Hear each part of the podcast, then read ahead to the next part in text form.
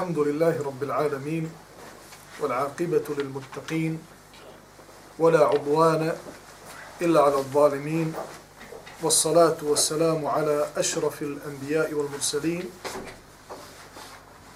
نبينا محمد وعلى آله وصحبه أجمعين. اللهم علمنا ما ينفعنا وانفعنا بما علمتنا وزدنا علما يا كريم. Kao što smo obećali na na kraju prošloga predavanja da ćemo nastaviti ukratko govoriti o dijelima koje dijela koja povećavaju ili šire naše imanje u džennetu. Samim time Aisha radijallahu anha prenijela hadis kojeg je šehol Albani uvrstio u svoju silsilu as-sahihu u vjerodostojnu zbirku hadisa je Allahu poslanik sallallahu alaihi wa sallam rekao ko popuni saf kada imam braćo moja prouči kamet kada muktedije ustanu da popunjavaju safove.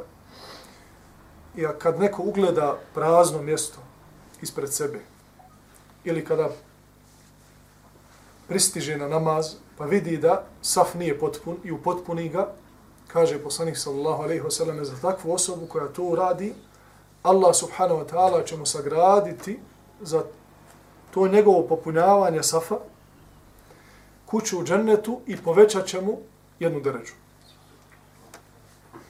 Za svako popunjavanje safa. Kuća u džennetu i jedna deređa više. Dobro, sad puno safova. I ti si možda na kraju džamije. I kako se muktedije pomjeraju, ti popunjavaš safa. Prezadnji saf vidiš jednu, jedno mjesto, ti ga popuniš. Tamam ga popunio, pomjeri se opet naprijed, opet vidiš jedno mjesto, ti ga popuniš. Da li ćeš zato imati jednu kuću, kako je rečeno u hadisu, pošto je jedan namaz u pitanju, ili za svaki tvoj iskorak i svaka tvoja namjera da popuniš saf muslimana za svako to popunjavanje po jedna kuća, Allah najbolje zna spomenuto ono, ova mesela koja o kojoj govorimo, nije spomenuta u hadisu. Samo je došlo uopćeno onaj ko popuni saf. Pa mi se nadamo za Allahu pomoć. Da svak, svaki brat musliman i sestra muslimanka koji popunjavaju saf za safom, da će za svaki taj njihov iskorak i nijet i svako popunjavanje narodnog safa imati po jednu kuću u džennetu i po jednu da ređu više kod Allaha subhanahu wa ta'ala. Što je veliki postrijek da ne ostavljamo prazno mjesto ispred sebe i da Allah subhanahu wa ta'ala neće gledati u saf koji je kriv, koji je nepotpun i da Allah poslanih sallallahu alaihi wa sallam upozorio upozorio muktedije, musallije da popune safove i da se približe jedni drugima i da ne razjedinjavaju svoja ramena i da ne budu daleko kako Allah subhanahu wa ta'ala ne bi razjedinio njihova srca. Jer je obred namaza jedan od rijetkih, rijetkih obreda gdje musliman sa drugim bratom muslimanom stane rame uz rame i ne osjeća nikakvu tjeskobu u tome. I drago mu je da ima sa svoje desne i svoje lijeve strane braće muslimana koji zajedno sa njim se klanjaju Allahu subhanahu wa ta'ala i ne treba nikako da mu bude mrsko ako stave svoje rame uz njegovo i da se osjeća tu da je u nekoj tjeskobi i da treba da mu se napravi prostora da lakše diše. Od umu Habibe bint Ebi Sufjan radijallahu anha prenosi se da je poslanik sallallahu alaihi wa sallam rekao ko tokom dana i noći klanja 12 rekiata sunneta. To su oni potvrđeni sunneti u hadisima Allahu poslanika sallallahu alejhi ve selleme koji nikada sallallahu alejhi ve sellem nije propuštao dok je bio kod kuće. Koji ih bude očuvao i klanjao ih tokom dana i noći, Allah će mu sagraditi kuću u džennetu. Ovaj hadis, braćo moja, zabilježio imam i muslim u svom sahiju.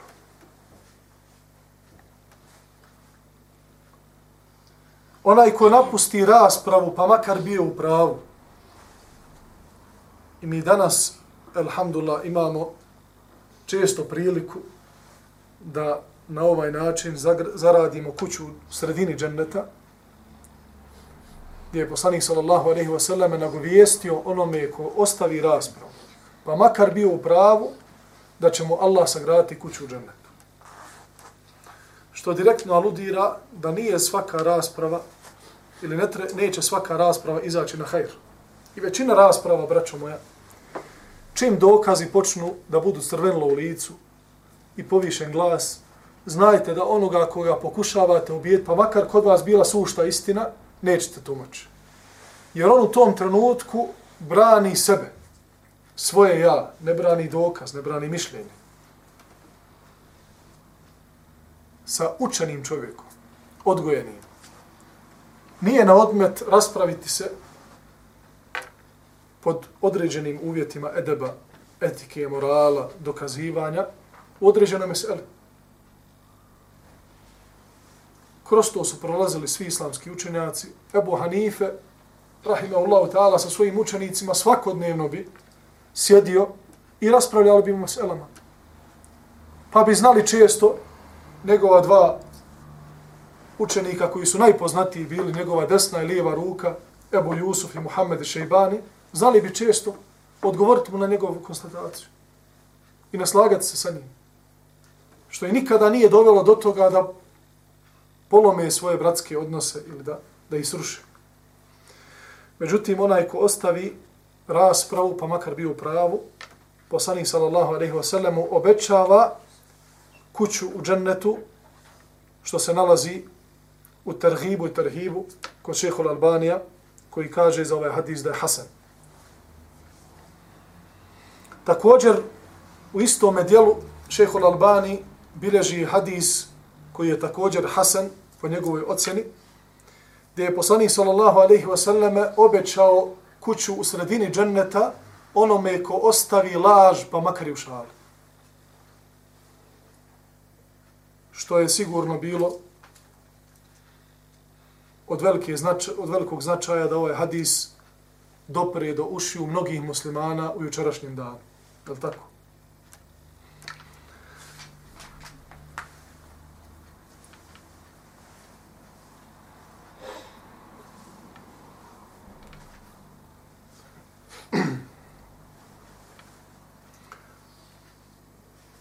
Ibn Omer, radijallahu anhu,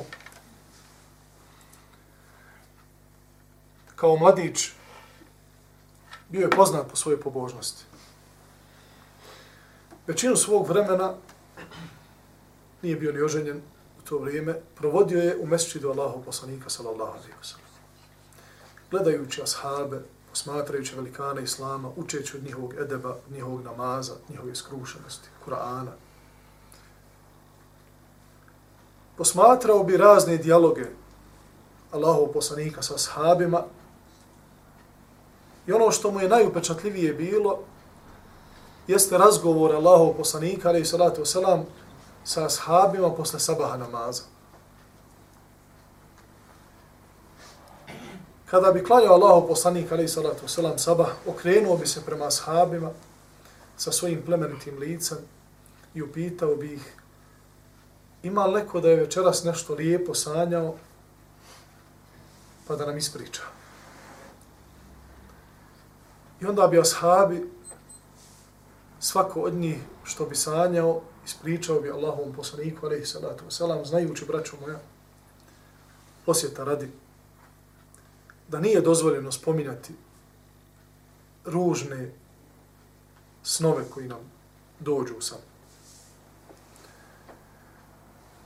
Međutim, možda neko od nas smatra da nije, da pod ovu zabranu ulazi samo da prepriča šta se desilo.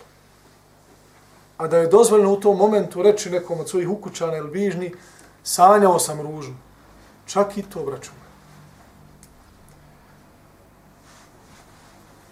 Kada musliman sanja ružan san i prezn, preneisna zbog toga, na njemu je da se utiče Allahu od prokletoga šeitana i da se okrene na suprotnu stranu. U jednom rivajetu je došlo da prouči La ilaha illa Allahu l-wahidu l-qahhar, Rabbu samavati wal ardi wama bejnahum al-azizu l-ghaffar. Pored toga što kaže A'udhu billahi i ne šeifanu rađim. I okrene se na suprotnu stranu. I od toga ništa nikome ne spominje uz Allahovu pomoć na takav način, ako neko ima problem sa takozvanim noćnim morama, ili da mu se jedan te, određen, jedan te isti san koji je ružan, stalno vraća, ovo je metoda kako da se riješi toga. Ali da nikome ne spominješ, čak ni ono riječ ružno sam sanjao. A lijepe snove svojim prijateljima, one za koje znaš da ti neće zaviti na tom snu, i da ga neće pogrešno protumačiti, jer san je onakav kakav se protumači, kako što, kao što je došlo vjerodostojno od poslanika sallallahu alejhi ve sellem. Pa bi Ibn Omer slušao ashabe i kaže, ah, subhanallah, pogledaj, hajrli ovim sanja, ovaj sanja, ovo, ovaj sanja, ovo. Da ime da nešto sanja. Jedno, jedne noći došao je kući, razmišljao o tome, kaže, podigao ruke, kaže, Allahu moj, ako u ovoj duši ima ikakvog hajra, daj mi da nešto večeras usnim. Da šta? Da ujutru ide poslaniku, ali salatu salam, da mu ispriča. Tu noć je sanjao. Ali šta je sanjao? Sanjao je, braćo, da mu prilaze dva meleka sa čeličnim šipkama. I uzeli su ga sa tim čeličnim šipkama i poveli ga ka džehennemu. Kada su došli na domak vatre džehennemske, došao je treći melek i kaže mu, nemoj se plašiti, ti si dobar čovjek. Kaže Ibn Omer, vidio sam džehennem da je popločan poput bunara. Iz njega vatra bdije. I ima okolice kao što ima bunar okolice. I iz njega vire rogovi ispričao je taj san poslaniku sallallahu alejhi ve selleme, a probudio se sav prestrašen. A kada je vidio, ovo sam zaboravio reći, kada je vidio, ugledao džehennem i kada su ga povukli, približali ga džehennemskim vratima, rekao je, e'udhu billahi mink, utičem se Allahu od tebe. E'udhu billahi minan nar, utičem se Allahu od vatre. Kada je to ispričao poslaniku sallallahu alejhi ve selleme, rekao je Ni'ma rajulu Abdullah law kane yusalli bil lejl. Dobar li je čovjek Abdullah samo kad bi klanjao noćni namaz. To um fali.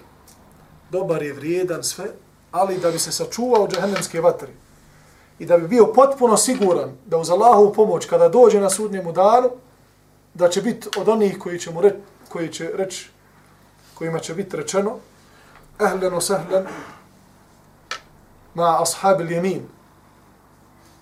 Sa onima koji u skupinama idu ka džennetu.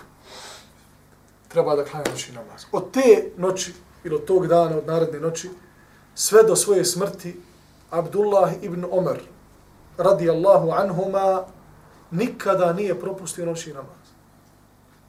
Nemalo zatim, braćo moje, usnio je drugi san. Kako se nalazi u džennetu, i kako drži u svojoj ruci komad svile. Priča svojoj sestri Hafsi, a ona je to prenijela poslaniku, sallallahu alaihi wasallame, kaže, gdje god sam pokazao tim komadom svile, tu sam odletio.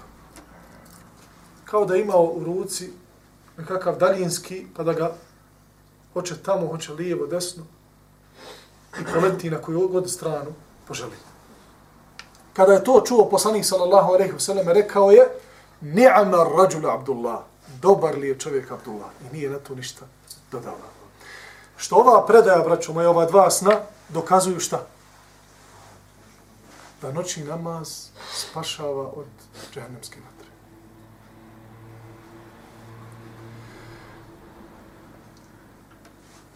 Allahu poslanik sallallahu alejhi ve selleme kada bi klanjao Bajram namaz i održao hutbu ashabima, odlazio bi sa Bilalom radijallahu anhu da održi drugi vaz i drugu hutbu ženama. Jer su žene u doba Allahu poslanika alaihi salatu wasalam išle na Bajram namaz.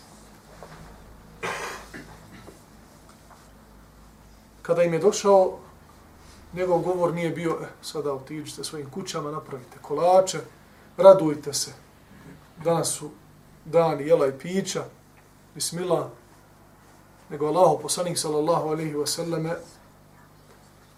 ono o čemu je govorio i ono na što je upozoravao, ozbiljno je shvatao. Pa je iskoristio priliku da se obrati kćerama, kćerima Havinim, pa im je rekao, o kćeri Havine, udjeljujte mnogo u istinu sam vidio da najveći broj stanovnika vatre džehennema su žene. A u drugom hadisu poslanik sallallahu alejhi ve sellem je rekao ittaqun nara walau bi shiqqi tamra čuvajte se džehennemske vatre pa makar sa time što ćete udijeliti komad hurme temra datule što znači braćo moja ovaj hadis ili ovi hadisi, direktno govore o tome da sadaka čovjeka čuva od džahnemske vatre. Da bi naš govor i naša tema o džahnemskim prostranstvima i njegovim ljepotama bila potpuna, kao što nas time podučavaju Kur'an i Sunnet, neminovno je da nešto progovorimo i o vatri. O Allahom stvorenju koga je Allah subhanahu wa ta'ala pripremio prvenstveno za nevjernike. وَاتَّقُوا النَّارَ الَّتِي أُعِدَّتْ لِلْكَافِرِينَ I čuvajte se i bojite se vatre koja je prvenstveno namijenjena nevjernicima. Ali prije nego što uđemo u ovu temu, volio bi sa vama podijeliti jednu predaju, jedan hadis u kome Allah poslanih sallallahu alaihi wa sallame govori ashabima i slikovito im prikazuje jednog čovjeka koji je svojim grijesima zaslužio vatru, a bio je musliman. I Allah subhanahu wa ta'ala za tog čovjeka veže jedan veliki događaj. To je posljednji insan, posljednji čovjek koji će izaći iz džehennema i ući u džennet. Za njega je poslanik sallallahu alaihi wa sallam rekao ma amile hajran kat, nikada dobro djelo nije učinio. Kabadah je žešći. Gdje god ima kakav šer, ne ga nađeš u tome. Zbog čega, braćo, će doći dan kada će on izaći iz vatre, kaže poslanik sallallahu alejhi ve selleme Allah subhanahu wa ta'ala će u njegovom srcu vidjeti trunku dobra. U hadisu je došla riječ zerra. Zerra može značiti trunka, a može značiti atom. Atom hajra. Malo skroz. Nikada dobra djela ne radi. Kada bude gorio godinama, vatra sa svih strana poklopila od ozgova, džehennemski dim. Kad ne mogne više izdržati, zavapit će i reći će gospodaru moj, ja rob, džehennemski dim me ugušio, ne mogu više. A sam sam se ispržio. Ne ima više šta na meni da se prži. Izgorio sam sam. Tako ti tvoje veličine i dobrote izvedi me iz vatre. Pa će mu se gospodar svjetova obratiti i reći ako te izvedem iz vatre, hoćeš li mi dat obećanje da me nakon toga nikad ništa više nećeš upitati? Kaže, i u izzatik. tako mi tvog veličanstva nikada ništa. Samo mi izvedi. Allah će ga izvesti, dozvolite mu da izađe iz vatre. Kada izađe iz vatre, braćo moja, kada bi mu u tom trenutku sunce došlo na domak jednog metra, osjetio bi hladovinu. Jer sunce ništa nije sprem džehennemske vatre. Čak sunce će biti u džehennemu. Nakon sudnjega dana. I bit će neprimjetno. Reći će taj rob, tabarake alladhi neđani mink. Neka je slavljen i hvaljen onaj koji me sačuvao od tebe. Dosta mu više, godinama. Ispržio se. Sjedi on onako, izašao iz džehennema. Ah, merak. Lakše je dosta. Kad odjednom ugleda drvo, dobar hlad, ispod tog drveta žubori izvorčić. Voda, jasela. Kaže, gospodaru moj, molim te, približi me u ovom drvetu da se malo sklonim ovaj hlad, da se napijem vode. Godinama u džehennemu, nema vode, braću moje. Najveća potreba stanovnika vatre džehennema je voda. O tome Allah subhanahu wa ta'ala kaže u suri Al-Araf, čim uđu džehennemlija u džehennem, odma će ožedniti. An afidu alejna min al ma, vikaće, će, dovikiva stanovnike dženneta. A oni tamo vesele se, piju, jedu. Zašto? Zaslužili, brate moj. U džamiju išli. Postili mjesec Ramazana. Žedni povazdan. Ali se ne mrse. Ne dolazim ni na kraj pameti da uzmu čašu hladne vode da se napiju. A ovaj serbez napo čaršije sjeo, naručio sebi veliki makijato, čašu vode i još i pripalio. U pobijela dana, usred bumbarek mjeseca Ramazana. Ja se kaže, kakvih ima, alhamdulillah. Puni usta.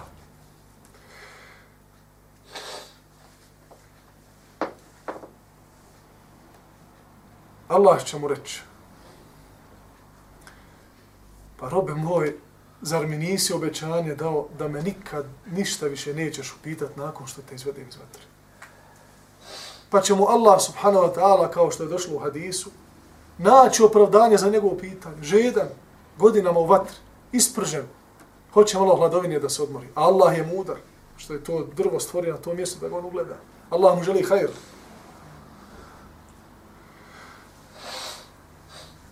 I Allah će mu dozvoliti. Napiće se vode, ah, okrepio se, hladovina, fino, naslonio se. Tamam što je počeo da uživa, na domak tog drveta vidi još veće drvo, još deblje, deblja hladovina.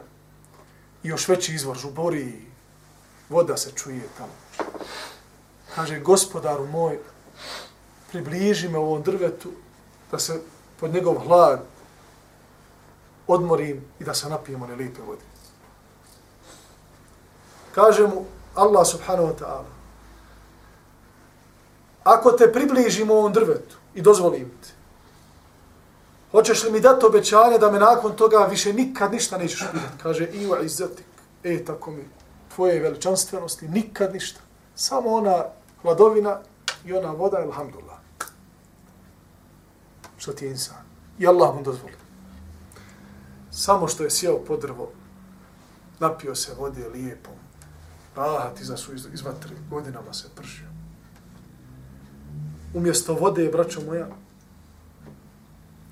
وسقوا ماء حميما فقطع معاهم kada bi ožednili stanovnici džehennema, pa zavape in jestagithu yugathu bima'in kal muhl ješvi l'uđuh, kada bi govorili dajte nam vode, a se okrepimo, donosili bi im meleci, čuvari vatre, ključalu vodu, od koje bi im se, kao što je došlo u suri Muhammed, potrgala utroba njihova sva. Crijeva ne mogu da ostanu sve se potrga. I kada bi nanijeli, donijeli tu posudu naspram svojih usta se napiju, vrelina vode koja ključa u toj posudi spržila bi njihova lica. Samo što je sjao Allahovim emrom nadomak toga džennet, otvoriše se džennetske kapije. Ah, tamo braća, ala sururin mutakabilin, jedni prema drugima naslonjeni, smiju se, radosni, veseli. Donosi im se sofre razne, hanume u kućama čekaju. Prelijepo, vječnost, miris miska. O, da mi je sad i tamo. Kaže, gospodaru moj, samo me uvedi u džennet. Nikad ništa više neću pitat. Pa će mu Allah reći, a zar mi obećao nisi? Allah je mudar što je otvorio kapije, da on to sve čuje. Braćo moja, koliko puta se na takav ili sličan način i nama kapije otvore na ovome svijetu. Pa ti nekada Allah svojom blagodati koji ti dadne, želi da te time sebi približi, da od te blagodati udijeliš, da se na toj blagodati zahvališ, zdrav, prav, mašala, osjećaš se jako, snažno. Reci, alhamdulillah, nemoj propuštati tu blagodat. Jer tada ćeš biti kod Allaha upisan među zahvalnima. Allah kaže, wa qalilun min ibadija šakur, a malo je mojih zahvalnih robova. A koliko puta, braćo moja, Allah subhanahu wa ta'ala nam otvara kapije i približava na sebi preko iskušenja. Pa da nije iskušenja, ti bi skrenuo sa pravoga puta, nego dođe iskušenje, dođe na imaština, dođe bolest, dođe nekakav haber koji te vrati Allah subhanahu wa ta'ala.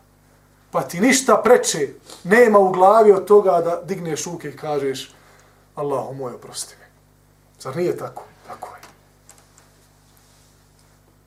Pa i onda kada nemaš, brate moj, iskoristi blagodatne imaštine da udjeliš pola imetka, možda te Allah proživi sa omerom, radi Allahu anhu na sudnjemu danu koji, koji je pola svoga imetka utrošio. Koliko je iskušenja milionerima, brate moj, da bude u skupini Omera. Jer ona ko ima dva miliona, on mora jedan milion maraka ili eura udijel da bi udjelio pola imetka. A ti nemaš. Pa te Allah iskušao sa time da imaš 50 maraka u džepu udjeliš od toga 25 i budeš upisan u defter, nema tu gumica, nema tu nekakvih prevara, poderat će se taj list pa će se skloniti. Neće biti, ono, dođe konkurs tamo, kaže, završio konkurs u kanti za smeće, toga nema. Kod Allaha je pravda. Budeš upisan među one koji su dijeli na Allahovome putu pola imetka. Dođeš na sudnji dan, prestrojavanje. Kaže, oni koji su dijelili pola imetka na ovu stranu. Kad ti tamo zatekneš, Hazreti Omera. Pa dobro, imaš 50 maraka, pa ti Allah subhanahu wa ta'ala dao toliko jak iman da kažeš, ja hoću da budem upisan sa Ebu Bekr. Znajući da pred jedno bitaka Ebu Bekr radijallahu anhu je udjelio od svog imetka dosta kada je Allah poslanik alaihi salatu wasalam vidio količinu imetka koju je dao, posumljao je da nije dao sav imetak. To jeste, htio je da provjeri. Ako je dao sav imetak, da uzme dio. Pa ja, žena i djeca nešto da pojedu. Možeš sve uzeti, ostaviti. I udjeliti, a ne ostaviti kući ništa. Kaže mu poslanik sallallahu alejhi ve selleme, a šta si ostavio kući svoju? Kaže, ostavio sam Allaha i poslanika.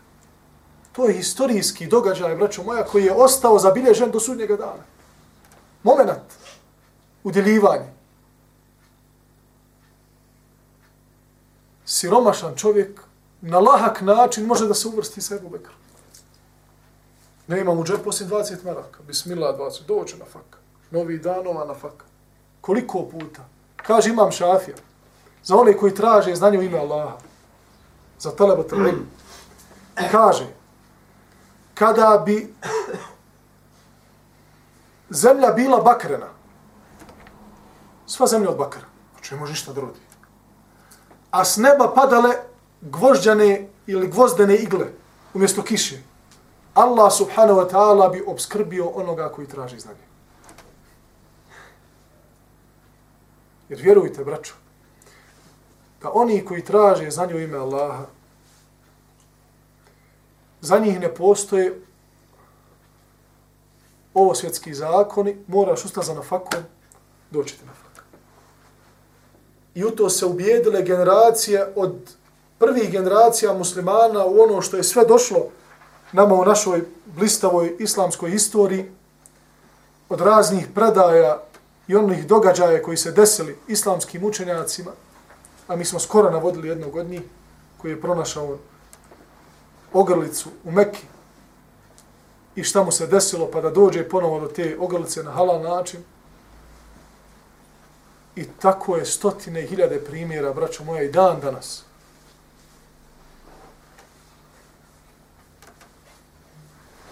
Ovaj insan, kao što je došlo u hadisu, kada je zamolio Allaha da uđe u džennet, Allah ga je napomenuo i rekao mu, pa zar nisi obećao? I onda mu je našao opravdanja za ono što traži. Vidio džennet, ugledao ljepote. Dženneta nije mogao da sabura. Tada će mu Allah reći, robe moj, uđi u džennet, tvoje će u džennetu biti onoliko koliko ima na Dunjaluku, koliko je bilo na Dunjaluku od imetka, znači sva carstva, sve države, sve imperije, sve ono što su imale posjedovalo od imetka, od dragog kamenja, od novca, od hrane, pića, drveća, dvoraca, oaza, poluotoka, ne znam nija svega, sve će to pripadati posljednjem čovjeku koji će ući u džennet. Kada on to čuje,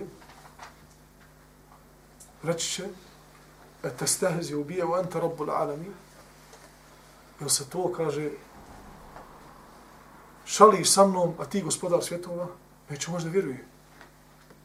Toliko meni da pripadne, da mi je samo 400 kvadrata, kućicu, garaže, malo, da okopam okolo. Nema toga u džennetu, 400 kvadrata.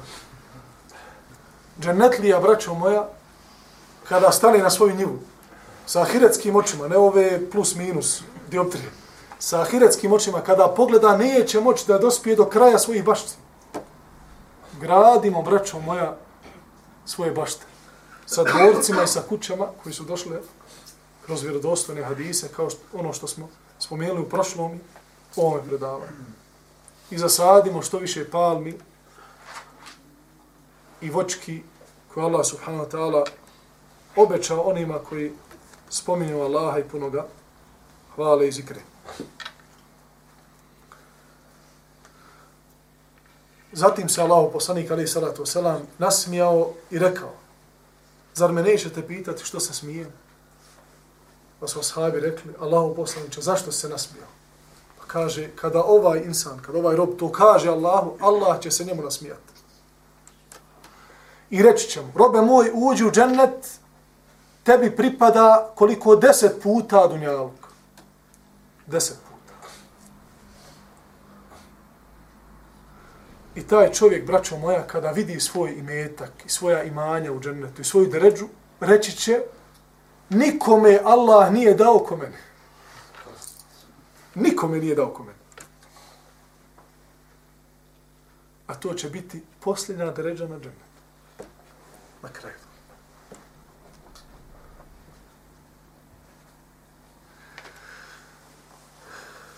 Allah subhanahu wa ta'ala pored dženneta i džennetskih užitaka koje je spomenuo u ajetima i Allah poslanik alaih salatu wasalam spomenuo u hadisima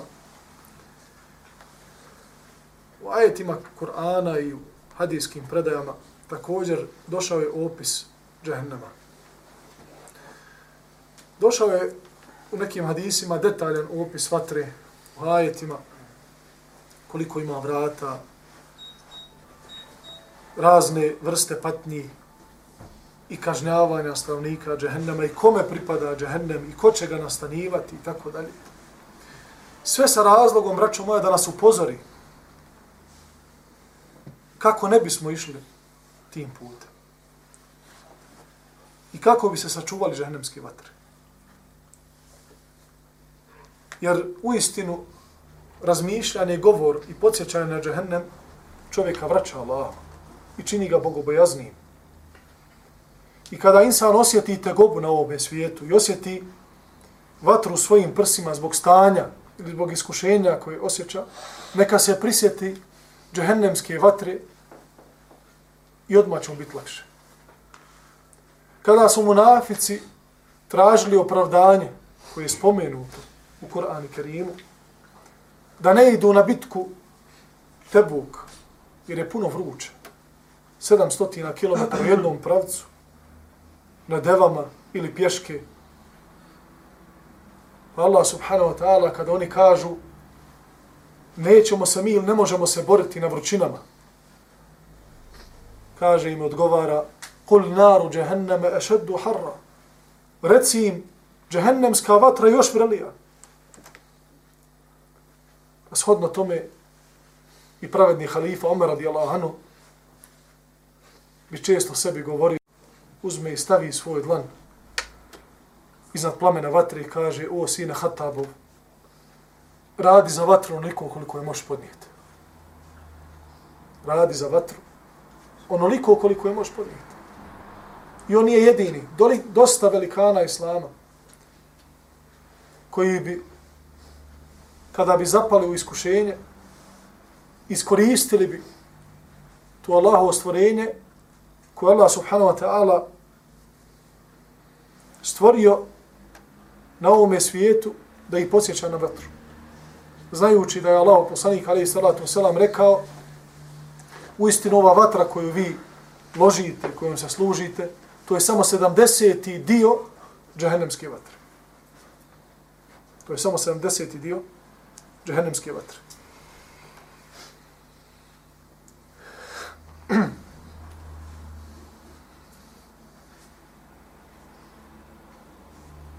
Allah subhanahu wa ta'ala u Kur'an Karimu kaže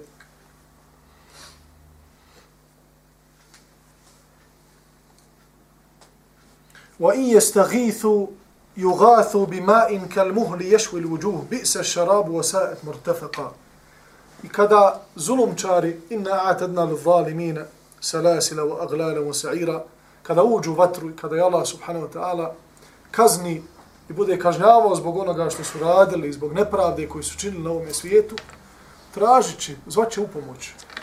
Kada budu zvali u pomoć, još će im gore biti zato što će im meleci donositi posude prokućale vode od kojih će im se pržiti njihova lica, loše li je to piće i loše li je društvo koje će boraviti u vatri, kao što kaže Allah subhanahu wa ta'ala. وَسِيقَ الَّذِينَ كَفَرُوا إِلَى جَهَنَّمَ زُمَرًا Kaže Allah, i kada stanovnici vatre budu potjerani prema vatri, u skupinama. Hatta idha ja'uha futihat abuabuha wa qala lahum khazanatuha. I kada budu na doma a već prije toga džehennemska vrata su otvorena. Reći će im čuvari vatre, elem jetikum rusulun, zar vam nisu dolazili poslanici, jetluna alejkum ajati rabbikum, wa yunziru nekum liqa'e jomikum hada, Zar vam nisu govorili kuranske ajete i upozoravali vas na ovo što vas čeka? Zašto niste bili pametni da poslušate one čija pravednost, istinoljubivost i iskrenost u govoru u nju nema nikakve sumnje? Allahovi poslanici. Braćo moja, naš poslanik sallallahu alaihi wasallame, je još prije poslanstva imao nadimak as-sadiqul amin. Istinoljubivi, povjerljivi. Uvijek istinu govorio. Nikada ga kurejši i mušnici nisu uhvatili da je laž rekao. Ni prije poslanstva. A kamo li posle? Uvijek je istinu govorio. I njemu je Allah subhanahu wa ta'ala dao čast da bude posljednji poslanik i da nas obavijesti onome što nas u istinu čeka. U što nema nikakve sumlje.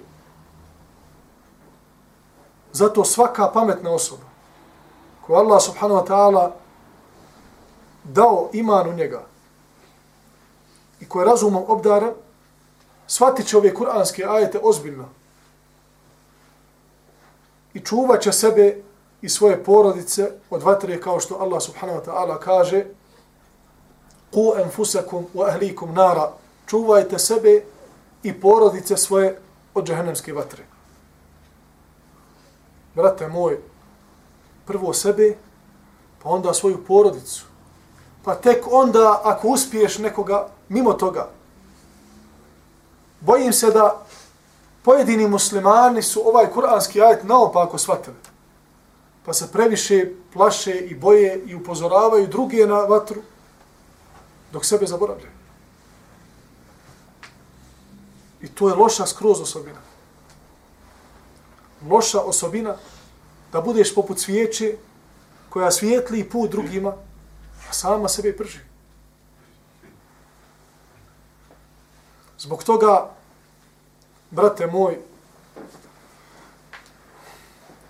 uzmi i odluči da Kur'an neće biti samo knjiga čije ćeš ajete učiti na pamet i govoriti s na ono vrijeme, ja znam ovoliko sura na pamet. Nego budi od oni koji uzmu Kur'an i Kerim i kada ga otvore, vjeruju čvrsto u njega i uzimaju pouku iz svake sure koja govori o prijašnjim narodima, koja govori o onome što se desti na sudnjemu danu, koja govori o blagodatima dženneta, o strahotama džennema, koja govori o Allahu i veličaga, o propisima. I neka Kur'an bude tvoja vodilja.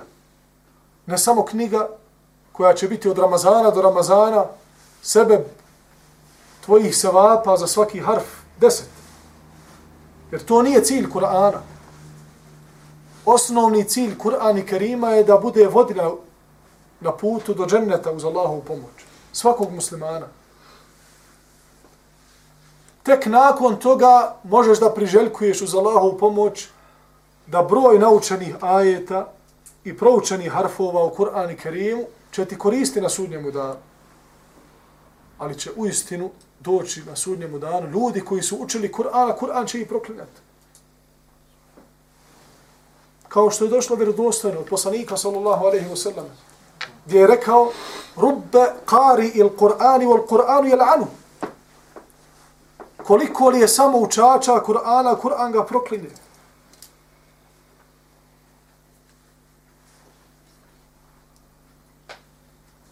Jer uči kur'anski ajet, naslađuje se njegove melodi, وَسِيقَ الَّذِينَ كَفَرُوا إِلَى جَهَنَّمَ زُمَرًا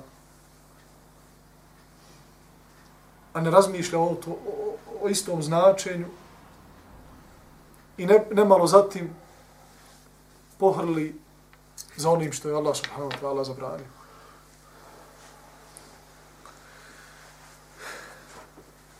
Također kaže Allah subhanahu wa ta'ala Hadani khasmani htasamu fi rabbihim.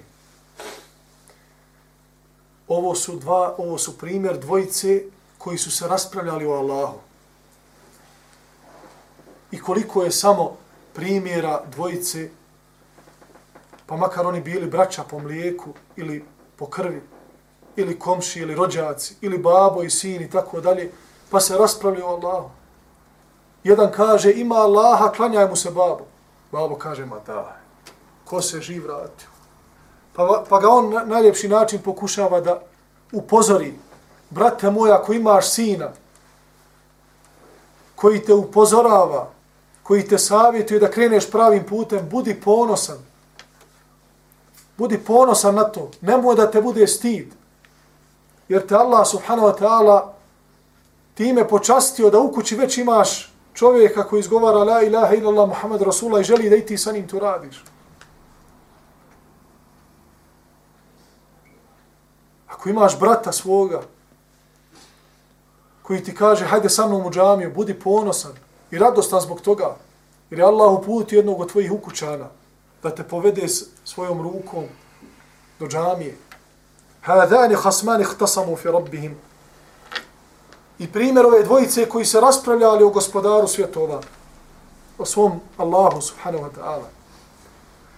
فالذين كفروا قطيت لهم ثياب من نار يصب من فوق رؤوسهم الحميم a oni koji ne budu vjerovali, nevjernici, njima će biti skrojena odjeća od vatre. Proključala, voda će im biti sipana iza njihovih glava. Yusharu bihi ma fi butunihim ul džulud. Izgorit će od toga i njihova unutrašnost, sva unutrica njihova i kože njihove. ولهم مقام من حديد كلما أرادوا أن يخرجوا منها من غم أعيدوا فيها وذوقوا عذاب الحريق kad god tjednu da izađu, ne mogu više, ispržili se, vatra, pokidana crijeva, izgorilo sve, guše se, da im je samo da prodahnu malo, da izađu izvan vatre, da bi prodisali, hoće da izađu u idu fiha, bit će ponovo gurnuti nazad. I bit će im rečeno, okusite nesnosnu patnju koja prži. Kaže poslanik sallallahu alaihi wa sallame, vjerodostojno, da najblaži način kažnjavanja u vatri će biti takav da će taj insan biti van vatre, van džehennema, njegovo tijelo, samo će do stopala biti u džehennemu i bit će mu obuvene vatrene nanule od žestine i vatre koje izbija iz tih nanula, ključat će mu mozak. I taj čovjek će, takav čovjek će smatrati da je to najžešća kazna u džehennemu. A to je najblaža. Također od Abdullah ibn Mesuda se prenosi u hadisu koji bileži imam i muslim u svom sahihu, da je poslanik sallallahu alaihi wasallam rekao Ju'ta bin nari jevme al-qiyama laha seb'una elf zimam. Ma kulli zimamin seb'una elf melekin. Doći će se na sudnjemu danu sa džehennemom. na džehennemu će biti 70.000 halki. Čuvat će se džehennem. Melec će ga čuvat. Inače, progutao, progutao bi stanovnika dženneta i džehennema. Toliko će bijesan biti na sunnjemu danu. Na svakoj toj halki 70.000 meleka će čuvati džehennem da ne proguta sve ljude. A on će se otimati od njih. Zamislite tog prizora, braću. U drugom hadisu koji bileži imam Buhari i muslim od Ebu Hore radijallahu anhu kaže poslanik sallallahu alaihi wa sallama narukum hadihi ma yuqa'u bi banu Adam juz'un wahidu min seb'ine juz'a min nari jahannam. Ova vaša vatra koju vi potpaljujete, to je samo 70. dio džehennemske vatre. Također od Ebu Horeire se prenosi da je poslanik sallallahu alaihi wa sallama rekao kada su začuli tup jedan zvuk, nešto udarlo, pum. Jako i tup. Rekao im je poslanik sallallahu alaihi sallam, jeste li čuli ovo? Znate li o čemu se radi? Pa su rekli, čuli smo šta je ovo Allahu poslaniče.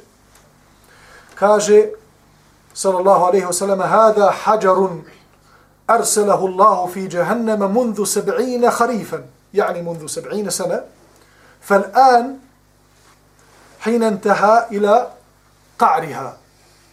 Ovo je kamen koga je Allah poslao sa vrha džehennema prije 70 harifa, 70 godina. Trebalo mu je 70 godina da padne na dnu džehennema. 70 godina, braćo moja, je jedan kamen putovao ili padao sa vrha do dna džehennema.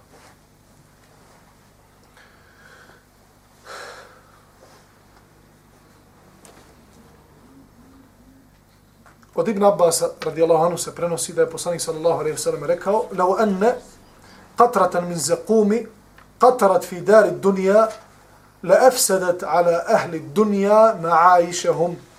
Rawahu an-Nasa'i wa at-Tirmidhi wa Ibn Majah. rekao poslanik sallallahu alejhi ve selleme da samo jedna kap sa drveta zekum padne na dunjaluk uništio bi život stanovnika džennet, stanovnika dunjaluka. Samo jedna kap. A gdje je onda to što će stanovnici vatre preko njihove volje gutati plodove sa drveta za kum, za koje Allah subhanahu wa ta'ala kaže da su ti plodovi u obliku šeitanskih glava. I to će biti jedna od hrana stanovnika vatre. Da nas Allah subhanahu wa ta'ala sačuva vatre.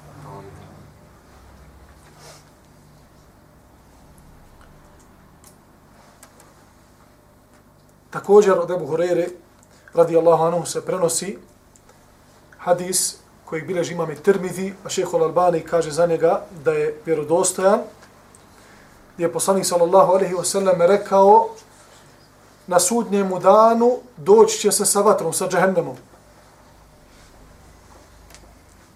Imaće dva oka. Imaće dva uha koje, sa kojima će čut i pričat će. I tada će, kada se to desi, kada dođe džehennem, kada ga ljudi ugledaju, imaće dva oka, dva uha, imaće mogućnost govora, reći će, obećana su mi trojica. Kullu džabbarin anid. Svaki oholi čovjek koji je negirao islam.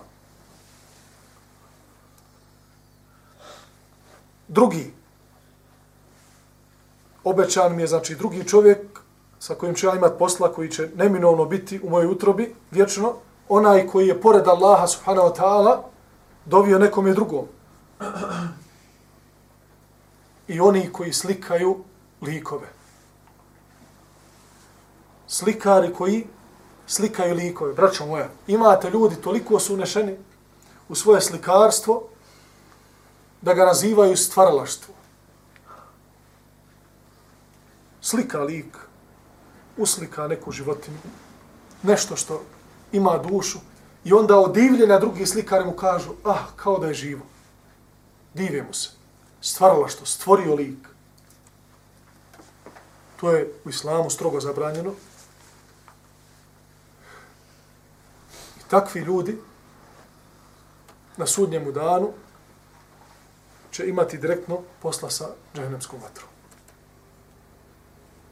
Jer, ka, reći će im džehennem na sudnjemu danu, trojica su mi obećana, onaj ko se oholi i negira din islam, onaj ko priziva nekoga drugog mimo Allaha subhanahu wa ta'ala i onaj koji slika likove.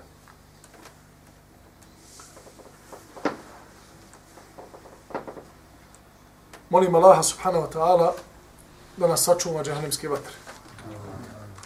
Molim ga tebareke o ta'ala da nas uvede u džennetul firdeus. Jer je sallallahu alaihi wa sallam rekao kada dovite Allahu za džennet, dovite za džennetul firdeus.